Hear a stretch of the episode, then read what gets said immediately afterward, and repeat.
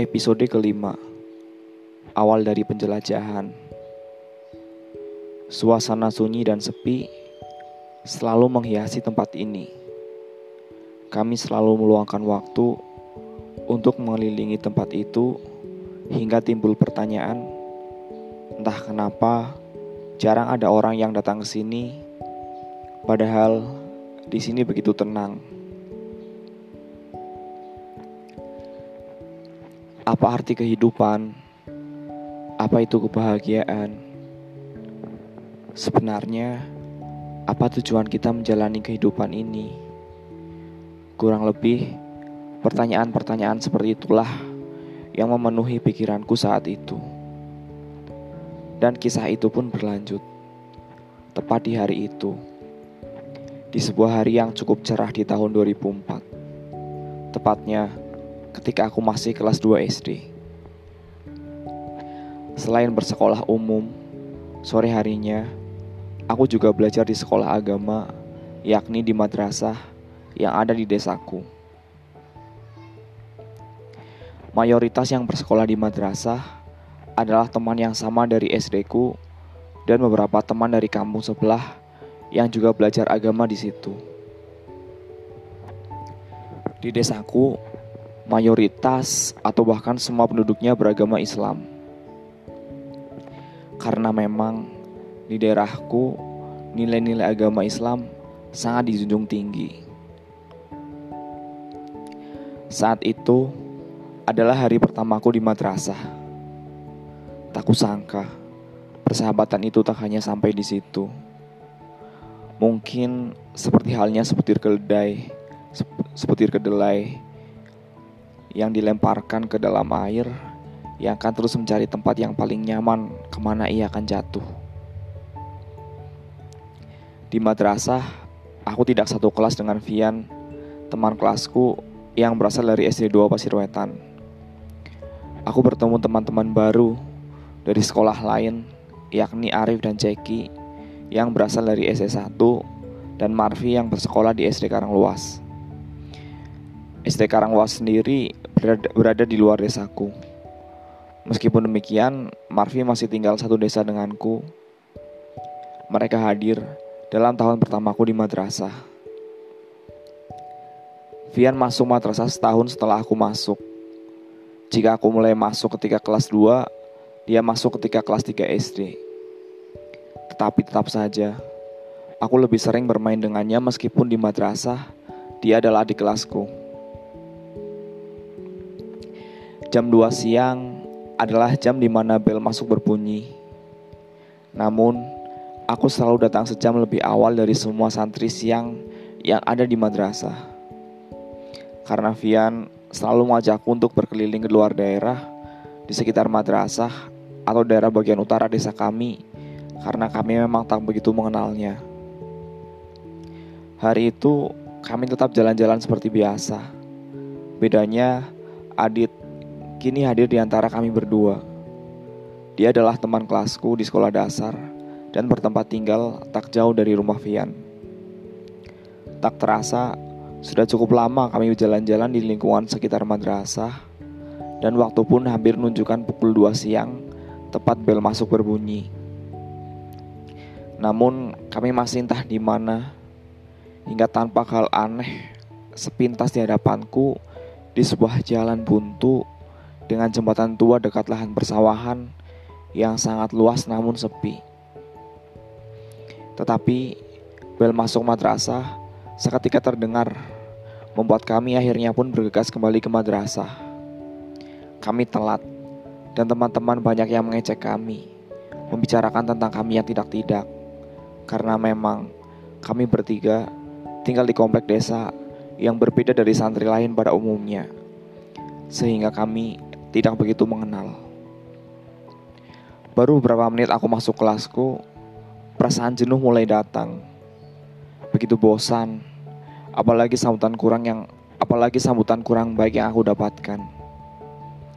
Tiba-tiba, bayangan tentang jembatan tua melintas di pikiranku. Aku bermaksud mencari tahu tentang tempat itu istirahat nanti. Namun, sepertinya Aku mengurungkan niatku karena pasti ada teman lain yang akan menghantui, yang akan mengetahui dan curiga. Akhirnya, aku memutuskan untuk berangkat lebih awal lagi bersama Via dan Adit untuk kembali ke tempat itu pada hari selanjutnya. Waktu terus berjalan, dari firasat aneh berubah menjadi suasana yang begitu mendamaikan. Tempat itulah akhirnya menjadi penenang hati kami. Tempat berbagi cerita kami bertiga yang membuat kami semakin mengenal satu sama lain. Suasana sunyi dan sepi selalu menghiasi tempat ini. Kami selalu meluangkan waktu untuk mengelilingi tempat tersebut hingga timbul pertanyaan, entah kenapa jarang ada orang yang datang ke sini. Padahal di sini begitu tenang. Seperti yang kami rasakan, meskipun belum mengenal tempat ini ataupun mengetahui seluk-beluknya, namun kami merasa begitu nyaman. Lama sudah kami berkeliling di dekat pematang sawah sambil menunggu gubuk tempat kami berkumpul. Tak ada orang lain yang ada di sini. Percikan air terasa nyaring didengar. Angin sepoi-sepoi seakan menunjukkan betapa bersahabatnya tempat ini. Tak terasa, sudah berbulan-bulan kami mengunjungi tempat ini dan tak ada hal aneh yang kami rasakan. Hanya suara tiupan angin dan kemercik air yang menemani candaan kami. Jika aku ceritakan, tempat itu adalah sebuah kebun yang selanjutnya adalah persawahan yang sangat luas dan jauh dari rumah penduduk. Dan di ujung sawah itu ada sebuah sungai yang dikelilingi tebing yang curam. Namun, semua berubah dalam seminggu ini. Hal-hal aneh dan tak masuk akal terjadi di tempat ini. Untungnya, tak ada santri lain yang mengetahui penjelajahan yang kami lakukan. Hingga suatu ketika, hal aneh itu datang. Aku melihat dengan jelas sesosok makhluk tinggi besar melesat begitu cepat di depan kami bertiga. Aku berusaha mengejarnya, namun makhluk itu melesat begitu cepat, seperti angin. Perasaan panik dan takut menyelimuti pikiranku. Namun, aku mencoba untuk tetap tenang. Seketika, aku merasa berada dalam masalah yang besar. Jantungku berdetak, berdetak lebih cepat dari biasanya. Tiupan angin tiba-tiba berhembus di sekitar pohon jati dan jauh di sana yang tampak begitu jelas hingga hal aneh itu muncul padaku sendiri, entah benar atau tidak. Entah fata morgana atau nyata, Selintas dari kejauhan, tampak makhluk berjubah hitam menghilang lenyap bersama angin. Bel masuk madrasah berbunyi. Sambil membetulkan tasku, kami bergegas kembali ke madrasah. Aku masih penasaran, tapi mungkin itu hanyalah ilusi. Ingin rasanya tahu lebih banyak tentang hal-hal aneh itu. Tapi setelah tes cabu berakhir, madrasah diliburkan Liburan akhir pekan menjadikan ending kisah dalam seminggu. Aku hampir lupa tentang misteri jembatan tua bersama Via dan Adit. Karena sepanjang liburan madrasah, kami hanya bermain di komplek rumah yang jauh dari tempat tersebut. Dan waktu itu pun tiba. Di hari pertama aku kembali ke madrasah setelah libur jauh pertama. Aku dan kedua sahabatku memutuskan untuk kembali ke tempat itu. Ketika hampir sampai di tempat tersebut, Aku sedikit kaget ketika tampak seorang kakek yang sepertinya telah menunggu kami. Beliau menceritakan tentang asal-usul tempat ini yang ternyata adalah tempat-tempat makam tua dan makam para ulama di desa ini. Sekedar info, sekitar 8 atau 9 tahun kemudian, yakni sekitar tahun 2013, ketika aku menjabat sebagai wakil ketua IPNU sekaligus ketua PHBI di kampungku, Akhirnya aku mengetahui kakek itu adalah penjaga makam di kampungku.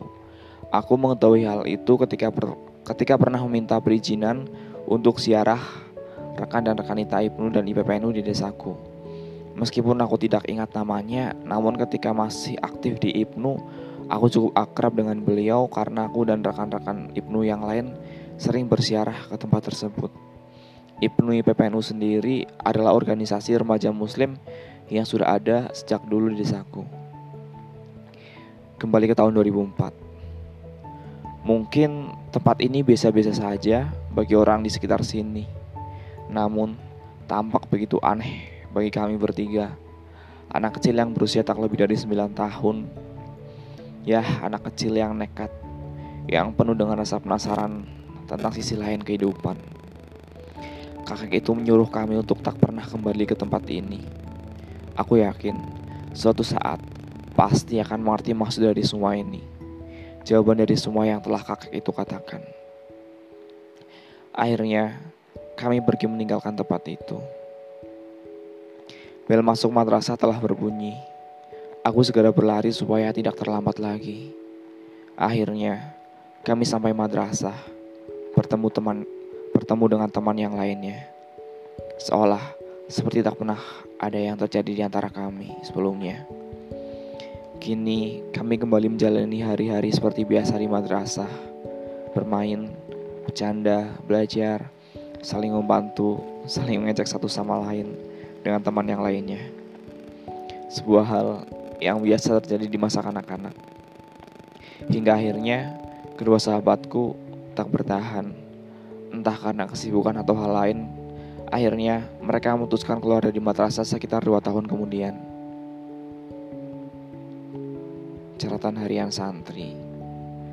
Meskipun penjelajahan di hari itu telah berakhir, tetapi sebenarnya ini adalah untuk ini adalah tapi Sebenarnya, ini adalah awal untuk penjelajahan yang lainnya. Bersama